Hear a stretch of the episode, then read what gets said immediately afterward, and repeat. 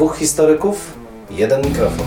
Jeden mikrofon? Dwóch historyków? No nie, ale to znowuż mi wszedłeś w paradę. No tak zazwyczaj się dzieje. Profesor Krzysztof Równiewicz. Profesor Przemysław Wiszewski. Próbujemy nagrywać to, co nas ciekawi, to, co nas kręci, ale zawsze w kontekście historii. No niestety, takie już mamy, że tylko o historii, chociaż czy zawsze na poważnie? No nie zawsze, a przede wszystkim historia to cały świat. To nie tylko to, co minęło, ale też to, co jest teraz. Chcemy pokazać, że w historii można poznawać się w różny sposób. Zdecydowanie w różny sposób i nawet można się nią bawić. Państwo wszyscy widzą, że się uśmiechamy, więc my się też bawimy nieźle. Bardzo dobrze. Dwóch Liczymy historyków, jeden mikrofon. Jeden mikrofon? Dwóch historyków.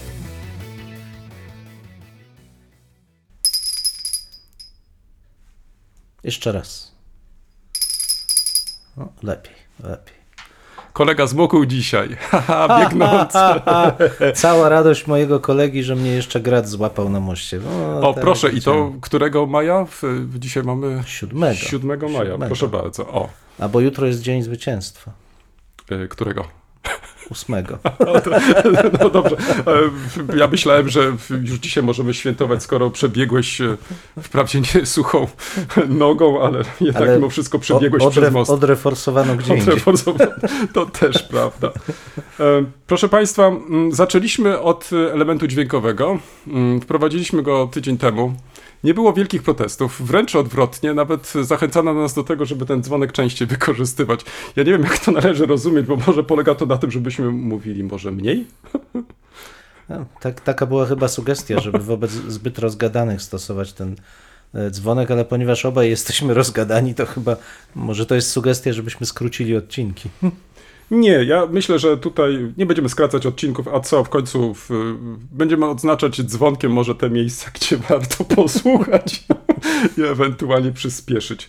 A tak a na marginesie, nie wiem czy wiesz, że w, mm, zostaliśmy ostatnio bardzo wysoko ocenieni. Ale że przez kogo? Y, Nie będę ci wymieniać się z imienia i nazwiska, bo myślę, że nie jest to tutaj istotne, ale nasze odcinki y, zaszeregowane jako odcinki nagrywane profesjonalnie, w profesjonalnym studium, z tabunem dźwiękowców. Y, Nie wiem, kto jeszcze jest potrzebny do tego, żeby nagrać ten dźwięk. E, Osoba, która przygotowuje wodę na stolik. O, a to chcesz powiedzieć, że to jakaś stewardessa? Myślę, że na Albo pewno. steward, tak. Ale ja chciałem tu podkreślić, że to wskazuje nie tyle na wysoką ocenę nas, co na wysoką ocenę osoby, która odpowiada za kwestie techniczne, czyli kolegi, który siedzi tam. Zaraz, o- tam te tabuny, gdzie są...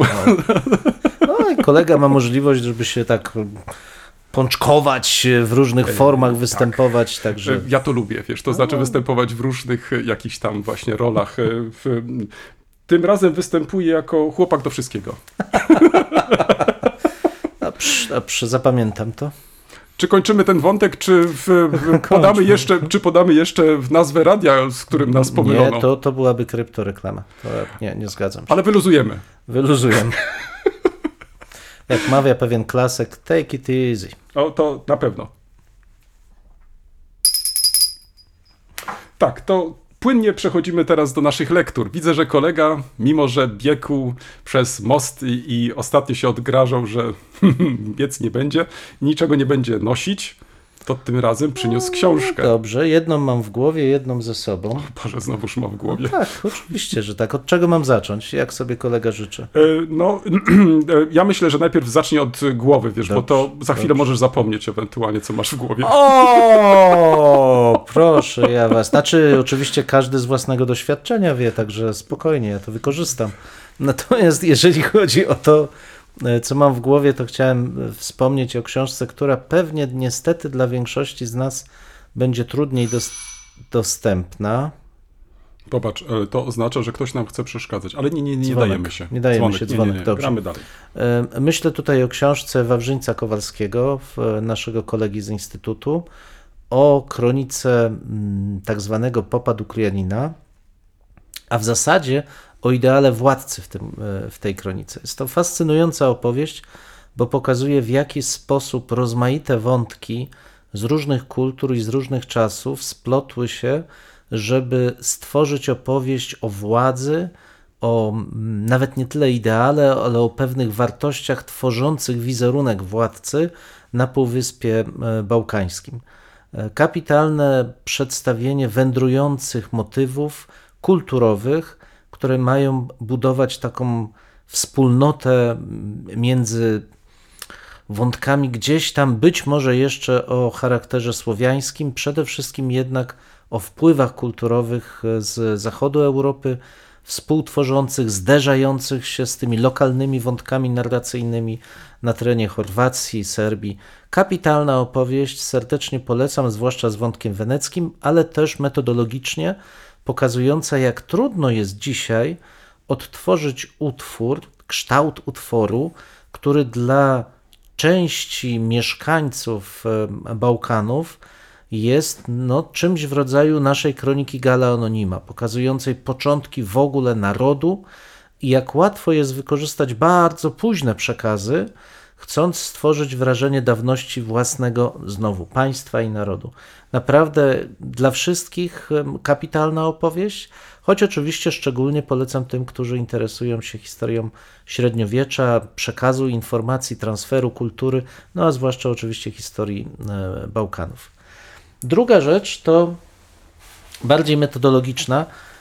E, od razu powiem Państwu, że kolega trochę się myli, bo książka, mój egzemplarz jest w domu, a tu po prostu ściągnąłem koledze z półki, Ach, widząc, że jest tutaj i tym sposobem po kolejny raz wyszło na moje, mianowicie nie przynoszę przez most książek, które obciążają moje kieszenie. Czyli co, Ale... chciałeś tym samym powiedzieć, że tutaj kolega tutaj fake newsy tak e, rozpowszechnia? To nie były fake newsy, to była zwyczajna pomyłka. Ach, pomyłka. pomyłka. Ach. Ale książka jest bardzo ciekawa i naprawdę bardzo z, z pełnym przekonaniem ją Państwu polecam. Historia wizualna, obrazy w dyskusjach niemieckich historyków. Seria, wydaje mi się, że już dość dobrze wśród polskich historyków znana. Clio w Niemczech. Wydawcą jest Niemiecki Instytut Historyczny. Bardzo zasłużona dla takiego pośrednictwa między naszymi wspólnotami historiograficznymi instytucja E, z Warszawy, wydająca w mniejszym zakresie, ale biorąca udział też w popularyzowaniu osiągnięć polskich historyków na terenie, e, na terenie Niemiec.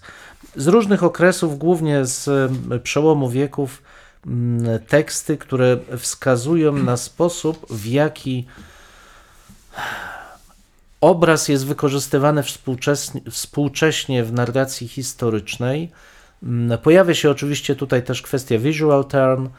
Ja nie jestem takim zwolennikiem, jak ci, którzy mnie znają, wiedzą, tych kolejnych zwrotów, bo uważam, że to jest nadużywane pojęcie. Obraz do refleksji historycznej możemy sięgnąć do Burcharda, koniec XIX wieku, początek XX, to jest ten czas, kiedy zaczyna być postrzegane mm, ta, ta transmisja informacji poprzez źródła ikonograficzne jako wartościowe źródło historyczne, źródło do poznania procesów najpierw głównie z zakresu kultury wysokiej, ale coraz bardziej także mentalności, e, przemiany w kultury, wpływów kulturowych nie tylko na poziomie najwyższym, ale, ale i tym niższym.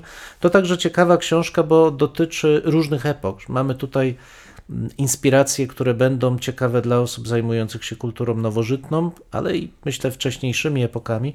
No i oczywiście spora część dotyczy kultu kultury, ale i zachowań społecznych z okresu e, nam współczesnego.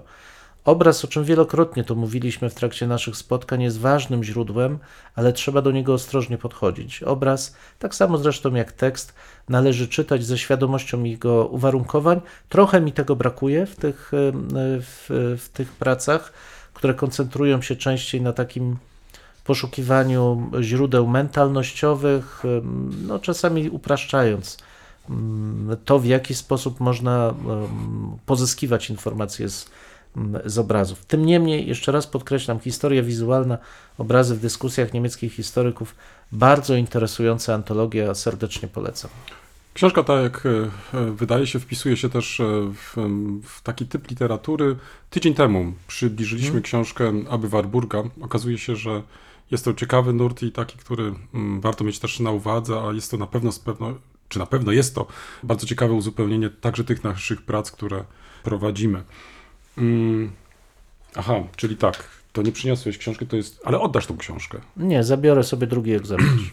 Tak, dziękuję. Proszę Państwa, ja z kolei prowadzę chyba nową rzecz do naszych e, odcinków, bo jeśli sobie przypominam, dotąd nie mieliśmy żadnego konkursu, albo nie zorganizowaliśmy żadnego konkursu. O. Proszę Państwa, proszę sobie wyobrazić, że autor jednej z książek, którą przedstawialiśmy, wiesz co, ja już pomału tracę pewien przegląd y, tematów i odcinków. Mm, Nie wiem, czy Państwo też tak mają, ale chyba od tego są też te podcasty, że można czasami do nich wracać. W każdym razie, mm, kilka tygodni temu przedstawiliśmy książkę mm, Bartosza Wielińskiego pod tytułem Wojna lekarzy Hitlera. Książka ukazała się drukiem.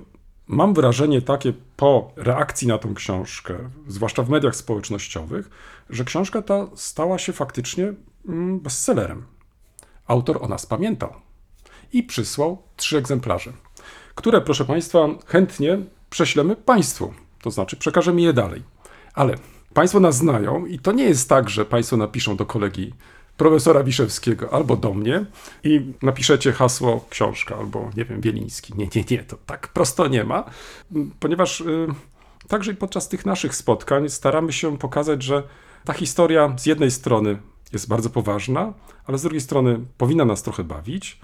No może z trzeciej strony no, zostawmy już może tą trzecią stronę. W każdym razie ja przeczytam te pytania, na które, mm, jeżeli są osoby, które chciałyby otrzymać tą książkę, a kolega jest świadkiem, są trzy egzemplarze, są bardzo grube, ale pięknie książka jest wydana ym, edytorsko, muszą odpowiedzieć na pięć pytań, które zadał autor.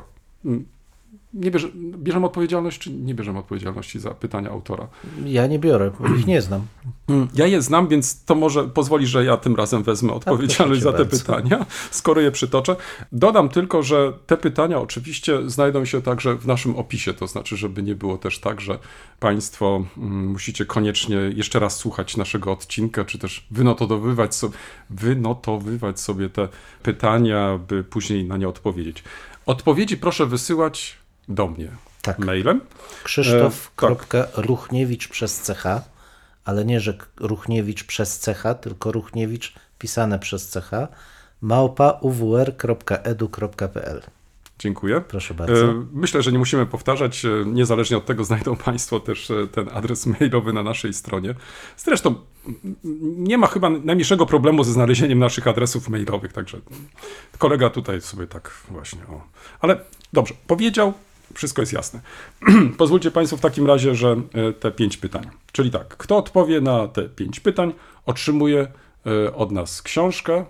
Muszę się zastanowić, e, może poprosimy też autora, żeby jakąś dedykację wtedy napisał. A to będzie krążyć mocno. A to będzie krążyć. To w- każdym razie dostanie książkę. I teraz tak, mm, kto wygrywa? Wygrywa ta lub ten, kto pierwszy odpowie na wszystkie pytania. I to poprawnie. Tak, i, i nie wiem, czy w, w, prawie polskim trzeba zaznaczyć, że jakieś roszczenia, nie wiem, sądowe są wykluczone i tak dalej, i tak Absolutnie dalej. są wykluczone. Także być może jest taka formułka. E, Musimy po prostu sprawdzić. Dobrze, ale już chyba najwyższy czas e, te, te pytania. Czyli tak, pierwsze pytanie, jeszcze raz przypomnę. E, Bartosz Wieliński, mm, wojna lekarzy Hitlera. Mm, Pierwsze pytanie. Jak się nazywał lekarz, którego, który opiekował się Hitlerem podczas jego pobytu w Landsbergu? Pierwsze pytanie. Drugie pytanie.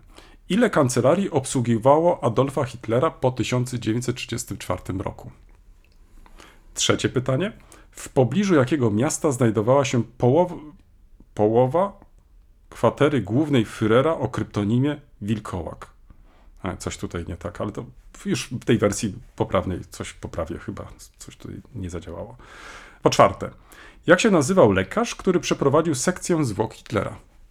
I po piąte, na terenie jakiego kraju Amerykanie przetrzymywali pojmanych nazistowskich dygnitarzy przed rozpoczęciem procesu norymberskiego.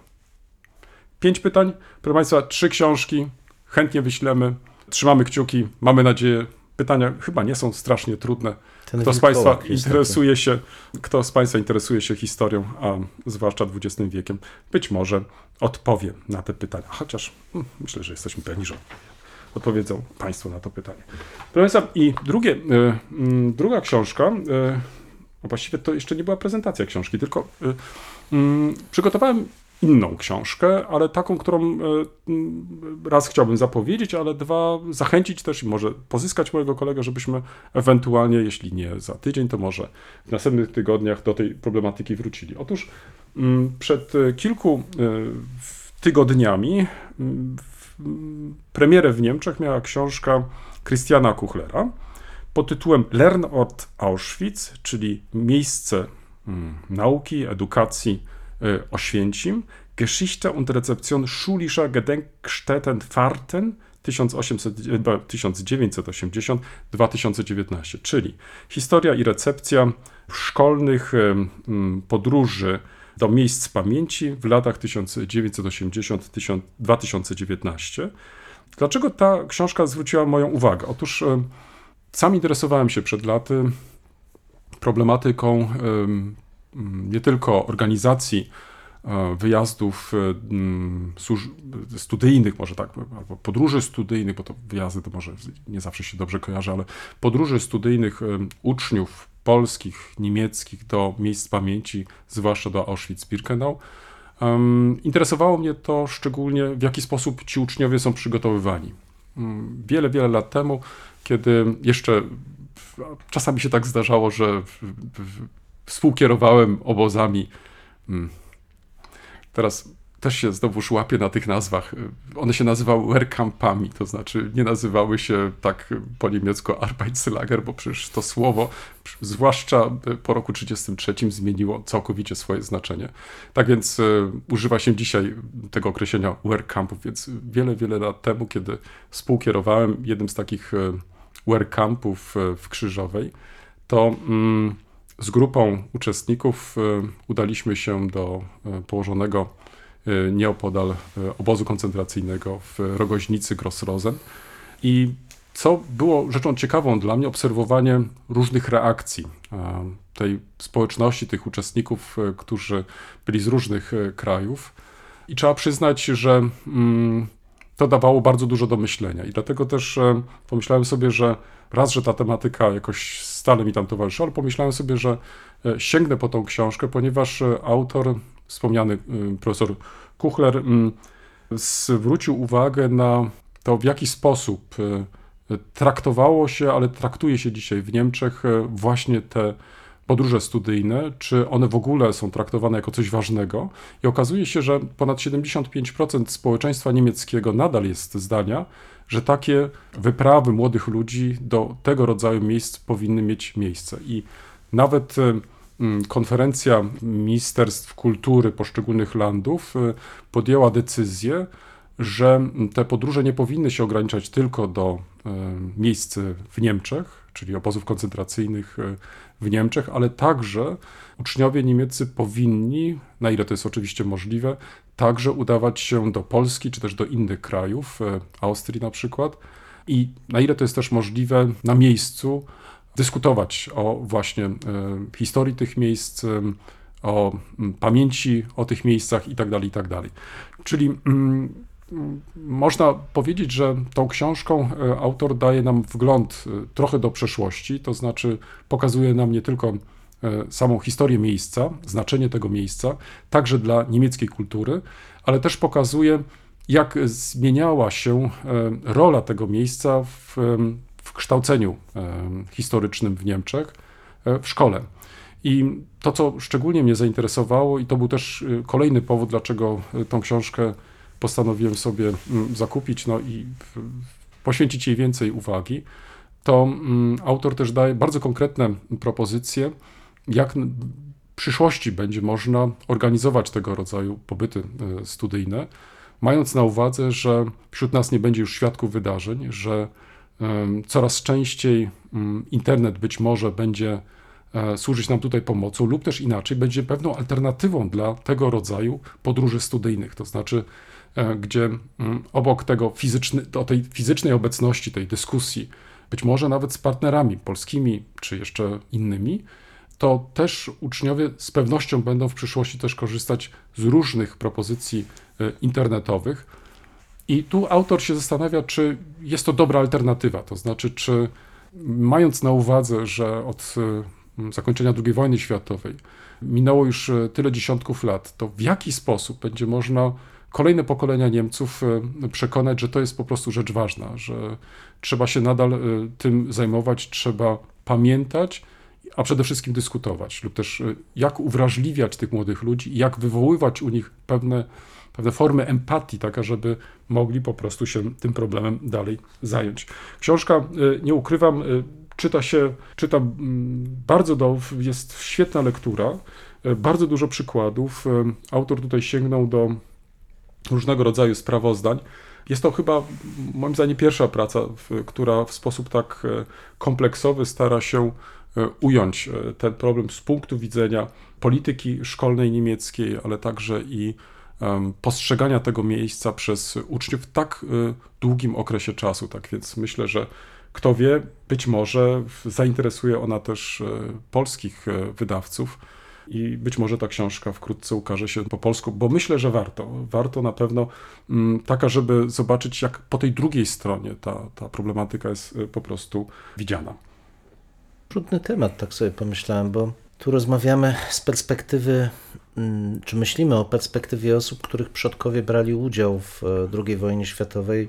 Bardzo wielu było uczestnikami ruchu hitlerowskiego ale współczesne Niemcy to w coraz większym zakresie potomkowie ludzi, e, którzy przybyli do Niemiec po II wojnie światowej i z tą traumą w, nie mają wiele wspólnego, jest to rzecz dla nich e, obca.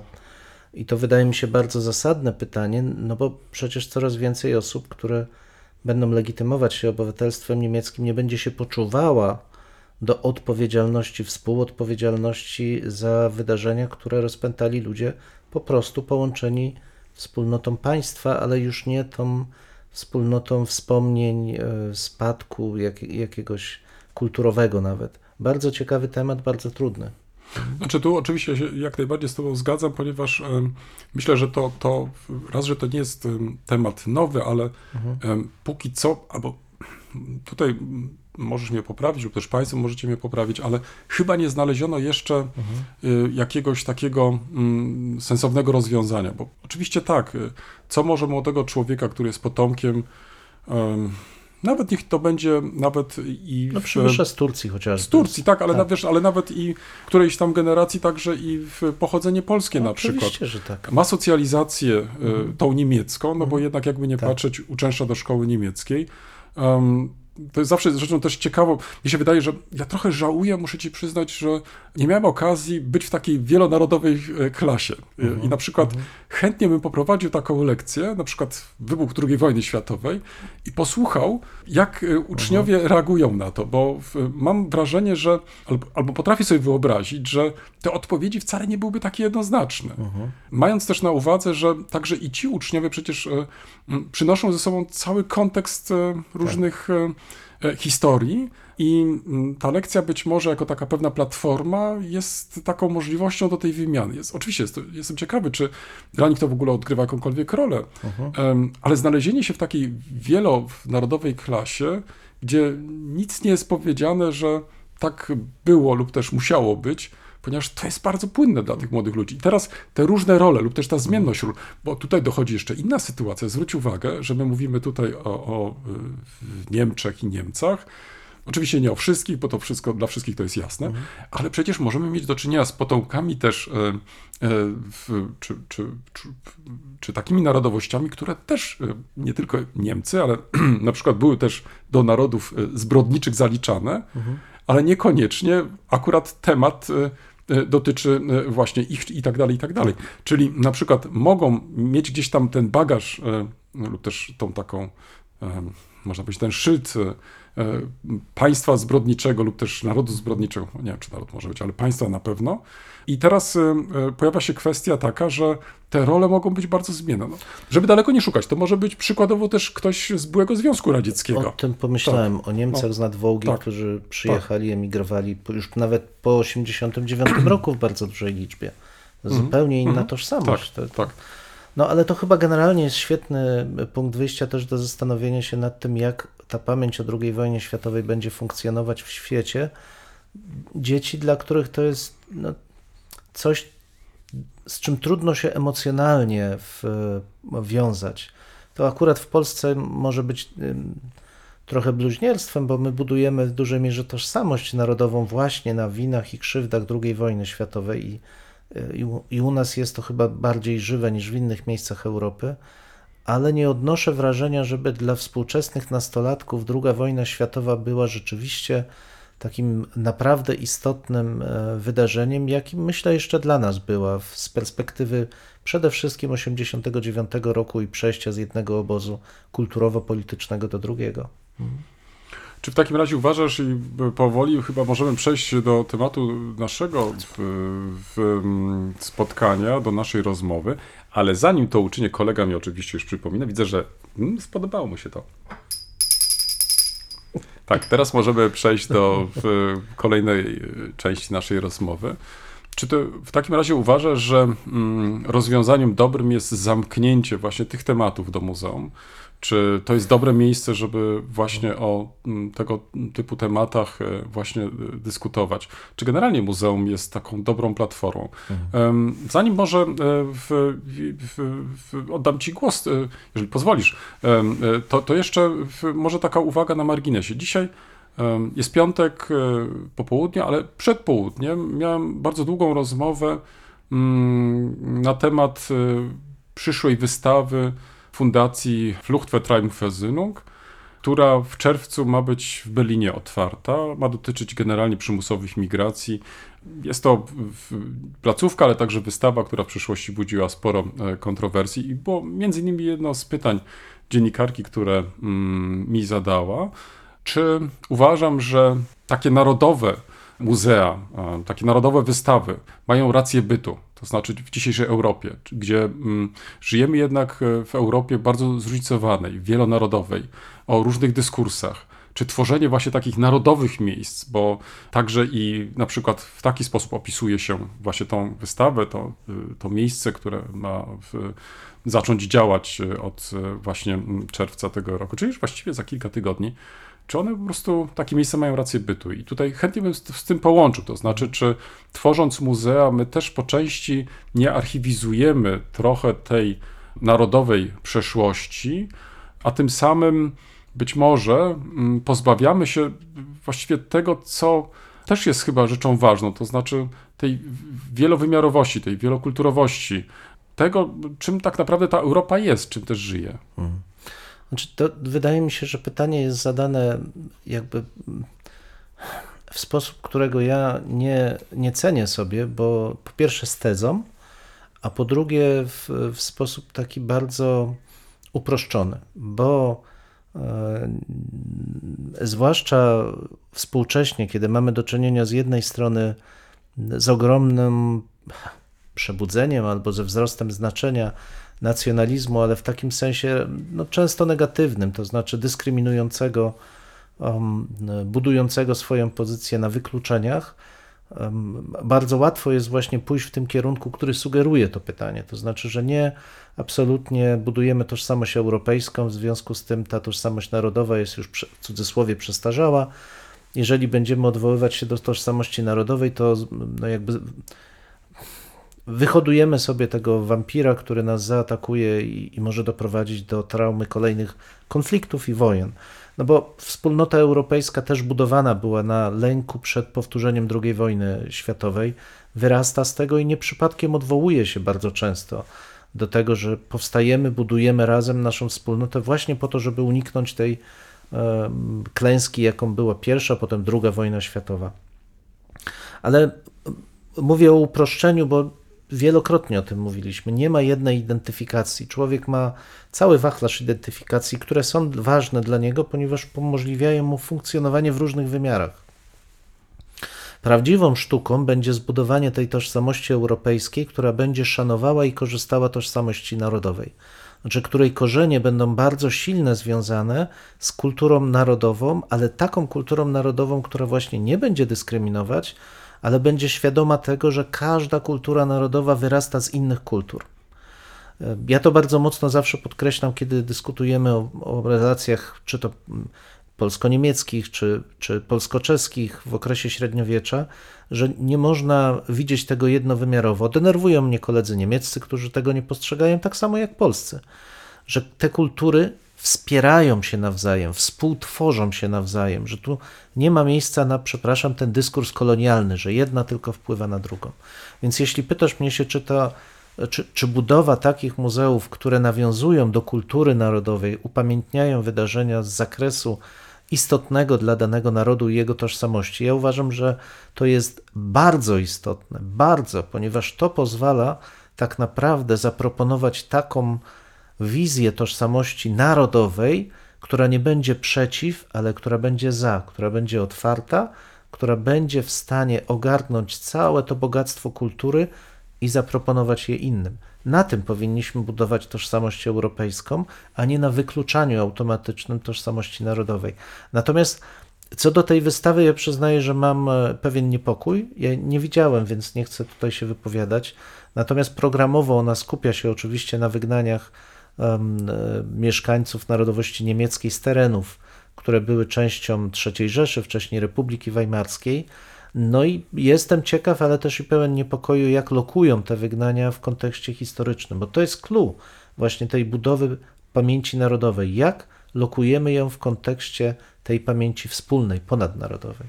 No tak, myślę, że tutaj dotknąłeś bardzo ważnego e, aspektu, mianowicie mówiłeś tutaj o tym, że tego typu narracje powinny być włączające, a nie wykluczające.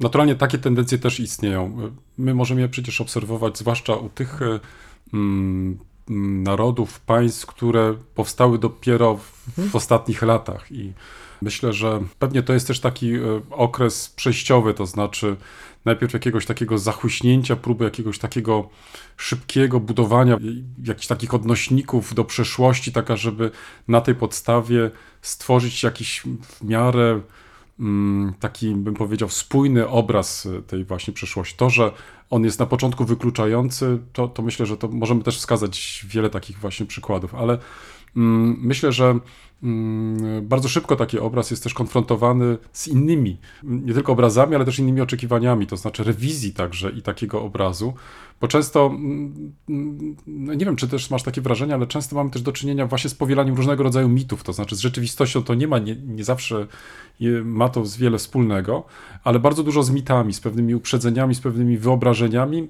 konstruowanymi na prędce. I dopiero później następuje ten cały proces właśnie takiej dekonstrukcji, zrzucania tych wszystkich e, postaci z pomników i tak dalej, co też jest ważnym procesem i wydaje mi się też takim chyba bardzo naturalnym. Natomiast mm, druga rzecz, czyli ta e, włączająca, podkreślanie pewnej specyfiki, tutaj myślę, że jesteśmy zgodni. To znaczy, e, dlatego w każdym kraju praktycznie mamy osobne muzeum, osobne ekspozycje. I mm, rzeczą ciekawą jest, czy właśnie te muzea też prowadzą jakiś dialog między sobą. To znaczy, czy tutaj e, możemy zauważyć pewną kompatybilność też. E, nie chcę być źle zrozumiany, nie chodzi mi tutaj o to, żeby ten obraz w jakiś sposób ujednolicić, bo to nie tędy droga, tylko poprzez pokazywanie tej specyfiki uwrażliwiać. I teraz e, wracając do tego ostatniego wątku, który podjąłeś, czyli wystawy, ja też tej wystawy nie znam, znam tylko koncepcję ale to trudno powiedzieć na podstawie koncepcji, mhm. jak ta wystawa będzie wyglądać. Ale mm, także tutaj e, podczas tej dzisiejszej rozmowy mm, argumentowałem, że nawet jeżeli będę skonfrontowany z mm, obrazami, które nie do końca może akceptuję, to i tak być może taka wystawa odniesie ten, bym powiedział, efekt, że zajmując się nią, e, będę się zastanawiał, dlaczego na przykład coś nie pasuje mi, dlaczego autorzy uznali, że na przykład dla nich jest to ważne, a co innego jest mniej ważne. No, chyba, że faktycznie będą oczywiste błędy, to co do tego nie musimy kruszyć kopii, bo myślę, że muzeum, ale także i wystawa to nie jest książka, to nie jest praca naukowa. To znaczy, tu cały czas musimy sobie chyba także i z tego zdawać sprawę. To jest jednak duży kompromis, który trzeba uwzględnić, ponieważ nie, nie można wszystkiego pokazać. To znaczy, trzeba w takiej wystawie jednak pewne rzeczy uwypuklić, pokazać. Na przykład ten wątek, który się też pojawił podczas tej dzisiejszej e, rozmowy, ładnie tak nazwałeś e, tutaj pewnych obaw. Tu się pojawiła, pojawił też e, ten problem. Jak ja to widzę, czy na przykład spodziewam się, że to będzie jedna z wielu tych przymusowych migracji, pokazanie tej migracji jako jedną z wielu w szerszym jakimś takim kontekście i tak dalej, czy to będzie ta właściwie migracja, czyli tak jak można powiedzieć, ein albo der, czyli używając tych określeń, w jaki sposób będzie się to po prostu widzieć, postrzegać. Mnie się wydaje, że to jest chyba kluczowa kwestia teraz. I myślę, że już abstrahując od być może głosów e, krytyki lub też entuzjazmu, bo przecież trudno przewidzieć teraz, e, z jakimi ocenami się ta wystawa spotka, to niezależnie od tego, na pewno warto będzie tam pójść i sobie spokojnie tą wystawę obejrzeć. Poza tym, to na co może warto przy tej okazji też zwrócić uwagę, mm, ta wystawa e, i to muzeum mm, powstało w bardzo szczególnym miejscu w centrum Berlina, w sąsiedztwie innych miejsc e, związanych e, z tragiczną przeszłością. I myślę, że to też um, należy brać jakoś pod uwagę. To znaczy, że um, ta bliskość na przykład do w, miejsca pamięci w Gedenkstätte, w, w Ach Boże, teraz poczekaj, teraz ja muszę się zastanowić, pozbierać myśli, czyli e, topografii des Terrors, e, albo na przykład Holocaust Manual i tak dalej, i tak dalej, czyli e, ważnych miejsc, pomników, miejsc pamięci, miejsc upamiętniania, E, I pojawia się właśnie ta wystawa z, z tą fundacją. E, I w tym kontekście myślę, że będzie trzeba też rozpatrywać tą wystawę, to znaczy w jaki sposób będzie pokazany ten kontekst, który doprowadził do mm, wysiedlenia czy też wypędzenia Niemców w tym konkretnym przypadku. Ale coś, co mnie jeszcze interesuje, czy mm, autorzy tej wystawy y, starali się też ten problem w jakiś sposób y, mm, zuniwersalizować, to znaczy pokazać, że także i dzisiaj mamy do czynienia z bardzo podobnymi e, przypadkami, że powinniśmy też e, e, być bardzo ostrożni, powinniśmy uważać, a przede wszystkim powinniśmy być uwrażliwieni na tego rodzaju przypadki. To znaczy, taka wystawa też nie powinna nas zostawić tylko właśnie, nie wiem, z rokiem 45, 46 czy 47, ale powinniśmy też, e, przynajmniej takie mam oczekiwanie pod adresem tej wystawy, że ona nam, nam pokaże też pewną przyszłość, to znaczy dokąd powinniśmy zmierzać, to znaczy jakie wnioski powinniśmy wyciągać na przyszłość, a nie tylko grzebać się po prostu w przeszłości, bo wydaje mi się, że dzisiaj od wystawy, od muzeum czegoś takiego powinniśmy po prostu oczekiwać. Mhm. No zresztą jeśli spojrzymy już nawet na sam źródło słów, muzeum to jest w końcu miejsce dla muz, czyli to są emocje przede wszystkim bardzo głębokie i przyznaję, że ja mam pewien problem z muzeami, bo oczekuję od nich właśnie takiej formy katarzis, to znaczy, że jeśli ja już inwestuję swój czas i idę do muzeum, to coś e, otrzymam w zamian. Tym czymś może być spotkanie z czymś, czego nie znałem, co mnie zadziwi, zmusi do myślenia, właśnie taka forma katarzis albo kontemplacji, po prostu mi generalnie w życiu bardzo brakuje piękna, więc oczekuję też, że te klasyczne muzea zaoferują mi piękno, ale z kolei te muzea, o których ty mówisz, tego typu, czyli takie, gdzie wystawy mają charakter narracyjny i one mają przekazać pewną treść, odwołując się do emocji, ale z drugiej strony w oparciu o racjonalne argumenty. To jest wielka sztuka, bo bardzo łatwo tutaj o manipulację, bardzo łatwo też nawet oryginalną koncepcję muzeum zmienić, no, dokonując pewnych niewielkich nawet um, zmian, a uzyskując zupełnie inny efekt. Tutaj nasze Muzeum II Wojny Światowej jest klasycznym przykładem w, um, odwrócenia narracji do takiego, no powiedziałbym wręcz faustowskiego trochę. Ale w, zwróciłeś uwagę na jedną moim zdaniem bardzo ważną cechę jeszcze muzeum, to znaczy odejście od muzeum zamkniętego, bo ten paradygmat takiego muzeum, jakiejś swoistej kunstkamer, gdzie mamy zebrane różnorodne okazy wytwórczości ludzkiej, a czasami też i zadziwienia naturalne, e, zwierzęta z dwoma głowami, wielkie dinozaury, czy cokolwiek takiego, tuż obok obrazów i starych książek.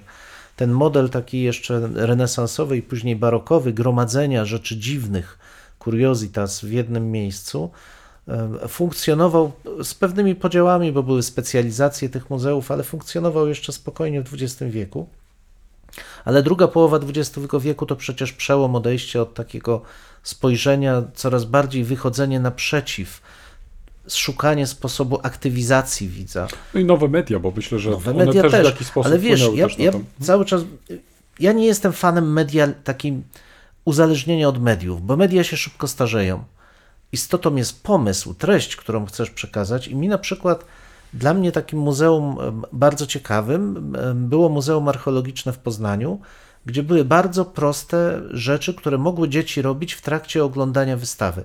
No, czasami tam było odkopywanie czegoś, przegrzebywanie, rysowanie, siatka do oznaczania em, znalezisk archeologicznych, różne proste, manualne czynności, które dzieci mogły wykonywać z poczuciem kreacji, a jednocześnie w kontekście tego, co oglądały, więc one automatycznie absorbowały to, z czym się mierzyły i poznawały, ale całym sobą, wykorzystując umiejętności manualne, nie tylko e, wzrok, bo to, to zresztą to jest znane i nie wymaga komentarza, że uczymy się, zwłaszcza w tym młodszym etapie życia, bardziej poprzez ruch, poprzez manipulację, dużo słabiej przez wzrok czy, e, czy zwłaszcza słuch, więc to jakby zupełnie inna sprawa, Ale, ale, myślę, że jeżeli pozwolisz, to y, tylko y, wejdę tobie w słowo, ale myślę, że ta edukacyjna działalność muzeum dzisiaj jest chyba oczywista i chyba to jest fakt, bo my oczekujemy wręcz, y, że to muzeum nie tylko będzie taką dla nas ofertą właśnie wielką, wysoką i tak dalej, ale też, że będziemy mieli możliwość i okazję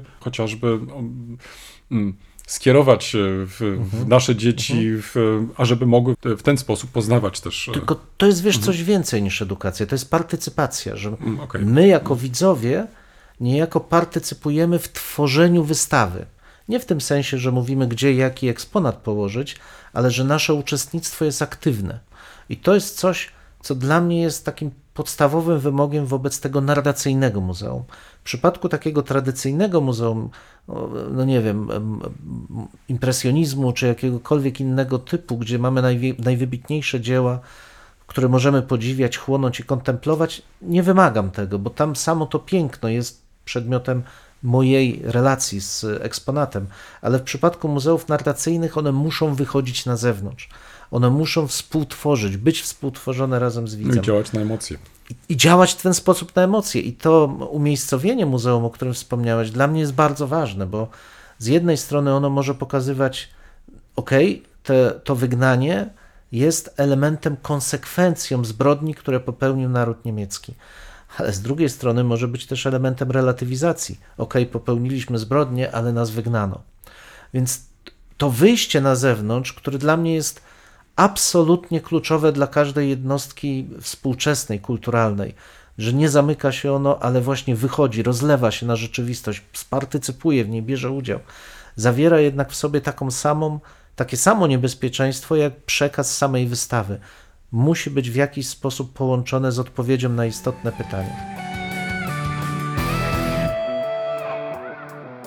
W tym miejscu stawiamy kropkę lub też jak kto woli kropkę nad i.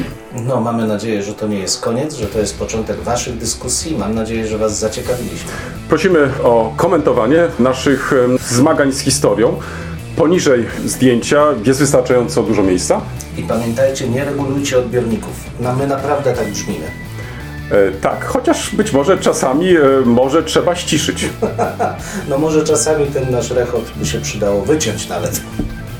Dwóch historyków, Jeden mikrofon, jeden mikrofon. dwóch historyków. Dziękujemy. Dziękujemy.